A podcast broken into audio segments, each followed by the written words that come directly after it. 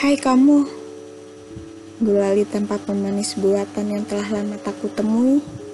Apa kabar? Meski tak ada semut di sekelilingmu, kau terlihat lebih manis kali ini. Jangan tersenyum. Diamu saja sudah cukup membuat jantungku tak beraturan.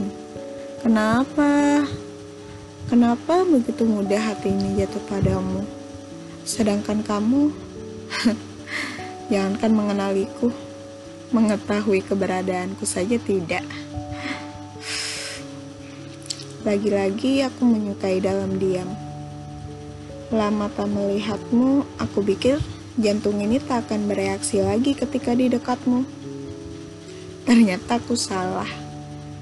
Dia tetap berdetak kencang ketika mataku tak sengaja menemukan sosokmu.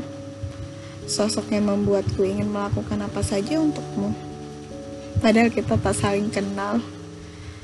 Aku sih mengenalmu, bahkan dengan sangat baik. Beda denganmu, yang sadar akan keberadaanku saja tidak.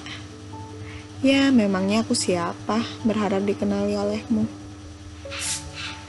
Tadi aku melihat di sekitarmu banyak sekali yang mengagumimu. Ya, aku sih tak heran. Karena ya memang tak ada alasan untuk tak mengagumimu. Tak ada alasan untuk tak jatuh hati padamu. Begitupun mereka. Dan juga diriku. Dan karena itu aku memutuskan untuk mundur perlahan. Dibanding mereka, aku jauh dari kata pantas bukannya tak berjuang. Aku cukup tahu diri. Bukan juga aku menyerah sebelum berperang. Tapi aku sadar mereka memang bukan orang yang bisa kujadikan saingan. Ya lagian mau ngapain sih? Kamu kan juga bukan sesuatu yang harus diperebutkan. Aku hanyalah orang asing yang kadang berpapasan denganmu. Dan pada saat itu, Jangankan menyapaku, melihatku pun kau tidak pernah.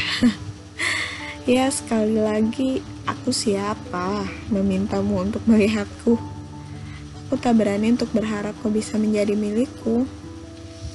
Karena aku tahu itu hal yang sangat mustahil untuk terjadi.